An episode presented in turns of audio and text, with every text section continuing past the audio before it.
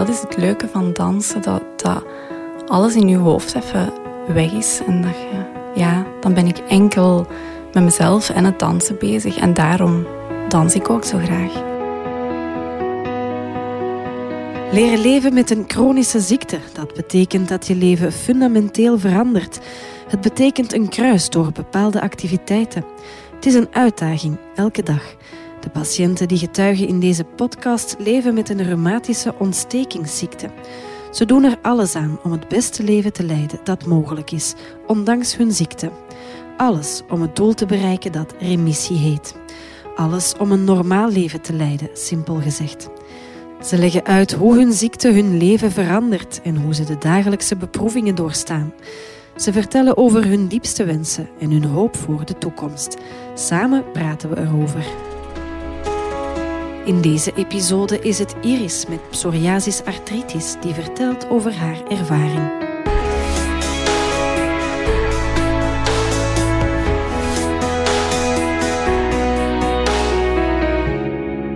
Ik ben Iris, ik ben 33 jaar. Um, ik ben mama van twee kindjes, Liv en Lennart. Um, en ik ben de vrouw van Sam. Um, ik werk als onderzoekster aan de KU Leuven. Um, en ik heb in 2014 de diagnose psoriasisartritis gekregen. Mijn klachten zijn begonnen met pusteltjes op de handen. Daarmee ben ik dan naar de dermatoloog gegaan en hij heeft daar de diagnose psoriasis opgeplakt.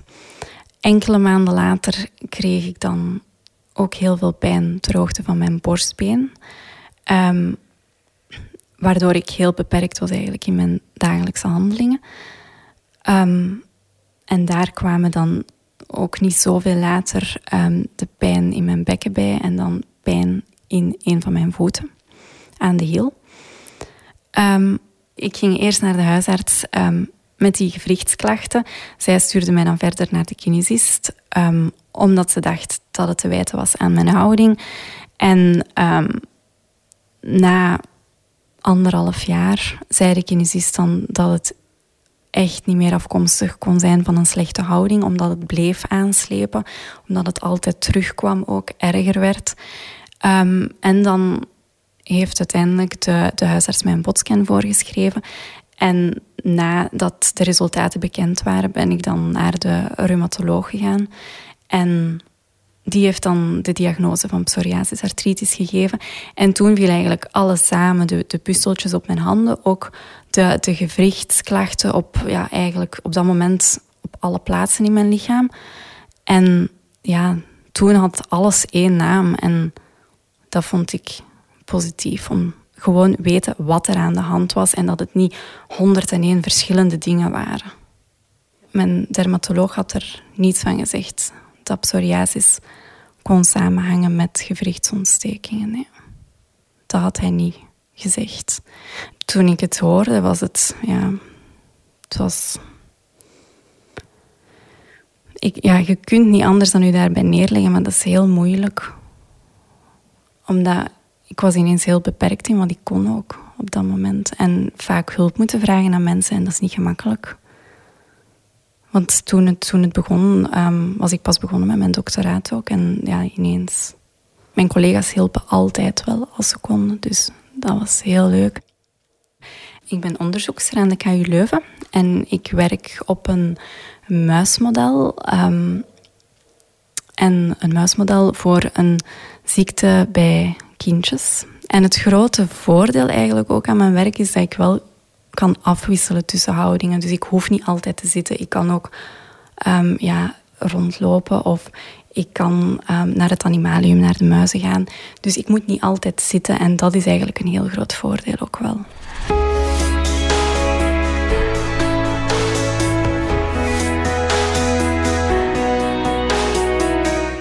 Ik dans heel graag. Ik dans modern jazz. Um, ja, dat is eigenlijk, daar is ook een beetje techniek voor nodig. Um, en ja, dat is gewoon een hele fijne vorm van dansen. Dat, het is zo los en toch ook echt bezig zijn met bepaalde houdingen van je lichaam. En dan voelt je ook echt, ja, dan voelt je je, ja, je lichaam bewegen. Dat is gewoon heel ontspannend ook.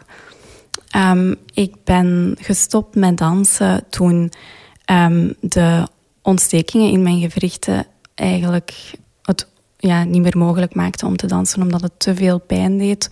Um, als ik moest springen, had ik continu pijn ook. En um, wij wilden dan graag een kindje op een bepaald moment. En dan moest ik stoppen met een gedeelte van de medicatie. En dan was dansen sowieso geen optie meer. En de reumatoloog raadde het toen ook echt af om het nog te doen. Dansen was toen te belastend voor mijn gewrichten. En ook omdat er dan een zwangerschap kon zijn, waardoor dat de gewrichten ook nog eens soepeler worden. En dat allemaal samen maakte eigenlijk dat het zeker niet slim was om te blijven dansen. Het was echt niet fijn om dat op te geven, want ja, het, is, het was toen precies zo het zoveelste dat niet ging lukken. Ik was toen ook nog niet zwanger, dus dat lukte dan ook nog niet op dat moment. En het dansen mocht dan niet meer, dus dan, ja, dan heb je zo precies niks meer. En ja, dat is echt geen fijn gevoel.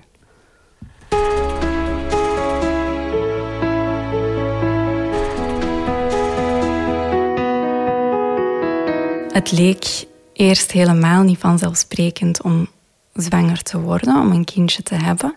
En dan ook met de pijn die er daarvoor is geweest aan de gewrichten, dan begint je gewoon ook heel hard te twijfelen of dat het echt wel slim is om het te doen. Ehm, mijn eerste reumatoloog was zeker een goede reumatoloog. Um, maar die was zo meer afstandelijk ook. En die probeerde alles ook heel ration, rationeel te benaderen. Dus als, ja, als ik iets vroeg over kinderen krijgen, dan was dat ja, op de goede moment zwanger worden. Maar daar heb je als patiënt op dat moment niet zoveel aan. Omdat er dan ook weinig periodes zijn dat het nog goed gaat. En daarom, het, het klikte gewoon niet met zijn manier van denken. En dan ben ik bij een andere reumatoloog terechtgekomen tijdens de zomer, omdat ik toen een opstoot had en dus ja, moest langsgaan. Um, en zij was een vrouw ook. En dat hielp. Zeker als het over kindjes ging, dan begreep zij dat helemaal. En ja, zij heeft dan ook direct gezegd wat er allemaal mogelijk was. En ja, ik ben heel blij dat ik haar toen heb leren kennen. Um, zij heeft mij gezegd um, welke stappen er moesten gemaakt worden om zwanger te geraken, welke medicatie zeker niet mocht genomen worden, welke medicatie wel. Um, en dan ook nog andere opties besproken. Ook omdat ik dan een ontsteking had in mijn voet, heeft ze toen ook al verteld over de walking boot. Dus andere middelen die konden gebruikt worden om het eigenlijk draaglijk te maken. Een walking boot is een soort van laars. En die moet uw voet eigenlijk immobiliseren, zodat die vastzit en dat hij niet overbelast raakt. En ja, toen was er, had ik echt het gevoel dat er een plan was. En dat was belangrijk, weten wat er kon, wat er kon gebeuren. Zij vertelde ook, ik moest niet wachten op een goede moment om zwanger te worden. Want dan kon ik misschien nog heel lang wachten. En zij snapte dat ook. Dat dat, ja, als je een kindje wilt, wilt je een kindje, dan wilt je niet nog jaren moeten wachten daarop. En zij snapte dat echt wel. We hebben nooit gedacht dat we onze kinderwens moesten opgeven daarvoor. Maar um, als er verteld wordt dat er moet gewacht worden op het juiste moment en er is niet vaak een juiste moment, dan, ja, dan begint je daar wel aan te twijfelen of dat het mogelijk gaat zijn. En zij heeft die twijfel helemaal weggenomen eigenlijk.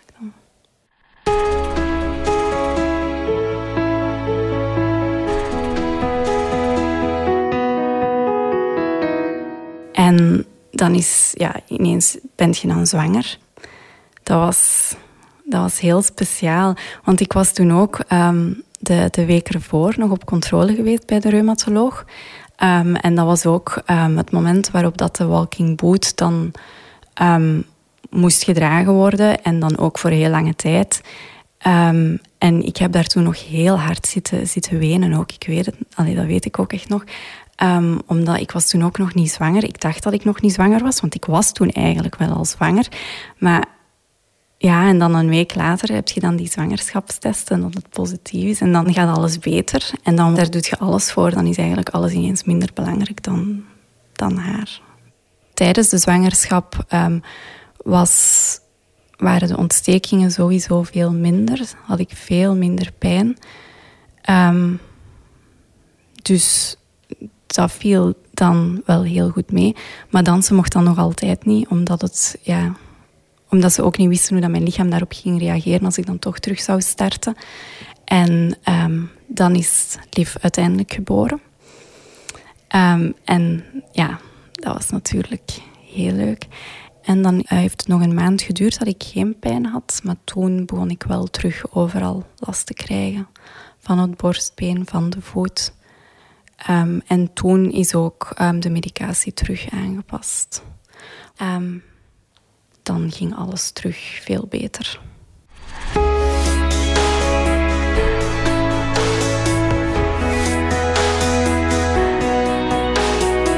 Mijn reumatoloog vond het eerst geen goed idee om terug te gaan dansen.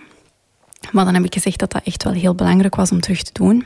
En dan had daar begrip voor ook. En dan mocht ik het terug proberen, maar dan moest ik eerst ook alle houdingen die pijn deden of het springen echt wel laten.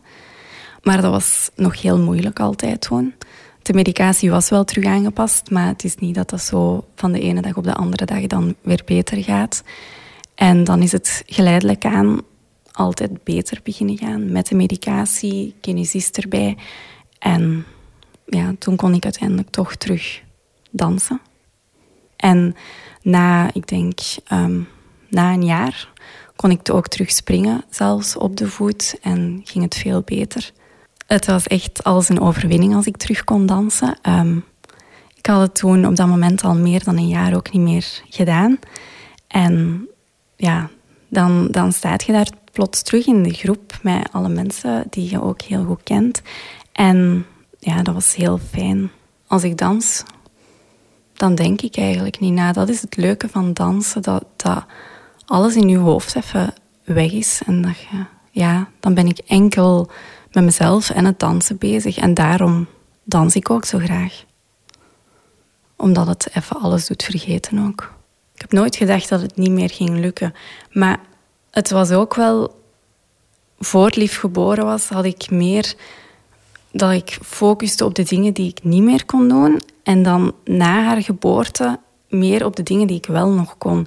En dat verandert ook heel veel, want ik kon misschien niet meer altijd springen zoals ik vroeger deed, of ja, andere dingen, andere bewegingen doen. Maar als je dan um, ja, nadenkt over wat dat eigenlijk wel nog lukt, dan, dan staat je daar ook gewoon positiever. En dat heeft heel hard geholpen.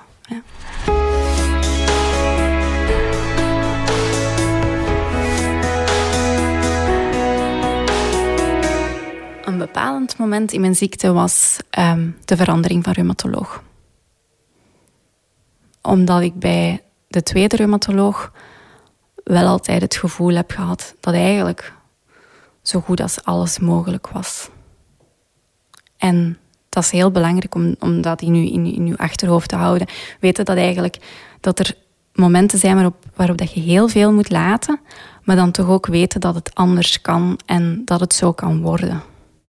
Ik denk dat het heel belangrijk is om een dokter te vinden waarmee het klikt en waarmee dat je als patiënt op dezelfde golflengte zit die ook iemand die begrijpt wat dat doelen en verwachtingen nog zijn. En ja, die, voor, die daarvoor open staat ook om dat mee te bereiken. Ik zou de raad geven om eerst en vooral vol te houden. Een dokter te vinden die naar u luistert en die begrip voor u heeft, waarbij dat je uzelf ook echt heel goed voelt. En altijd eraan te denken dat het beter kan en beter zal worden. En dat je daar echt moet in geloven. Het is heel belangrijk om te weten dat het mogelijk is om geen pijn te hebben. Maar het moeilijke is als, als die ziekte gediagnosticeerd wordt, dan bent je daar zo niet van bewust dat het terug beter gaat worden. Dus het is pas als je een betere periode hebt gehad, zeker een langere periode, dat je dat beter ook kunt vasthouden als het terug slechter gaat. Ik vond het zelf niet zo moeilijk om de hoop te bewaren. Want ergens is er wel altijd hoop. Ja. Maar misschien in het begin dat ik wel die hoop absoluut niet meer had. Het is moeilijk omdat het ook al nu al lang geleden is dat het nog slecht is gegaan. En dan, dan denk je daar zo niet meer aan. Nu gaat het heel goed. Ook tijdens de tweede zwangerschap, toen had ik er vooral niks last. En dan na de geboorte van Lennart is er een kleine opstoot geweest, maar ook heel beperkt, die heel snel onder controle was. Nu heb ik af en toe nog last van mijn voet. Maar het is eigenlijk heel goed onder controle met de medicatie en de kinesist, die die ook wekelijks behandelt. En zo gaat het eigenlijk heel goed.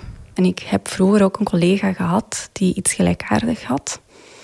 En waarbij dat het op een bepaald moment ook veel beter ging. En dat hij dat zelf ook niet durfde te geloven. Dus ik wist dat het mogelijk was. Maar ja, de vraag is dan of het ooit gaat komen.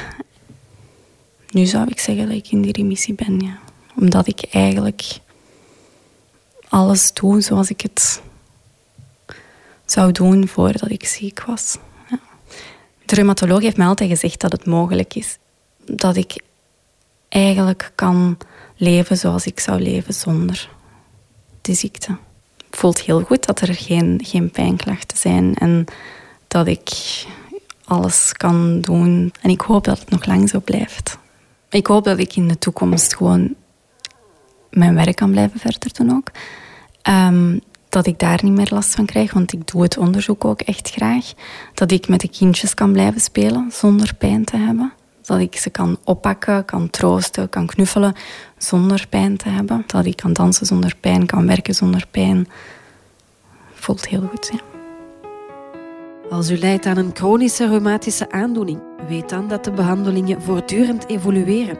Misschien bestaat er een behandeling die ervoor zorgt dat u zich beter kan voelen. Laat zeker uw stem horen tegenover uw arts. Praat erover is een podcast gerealiseerd door APFI in samenwerking met patiëntenorganisatie Reumanet.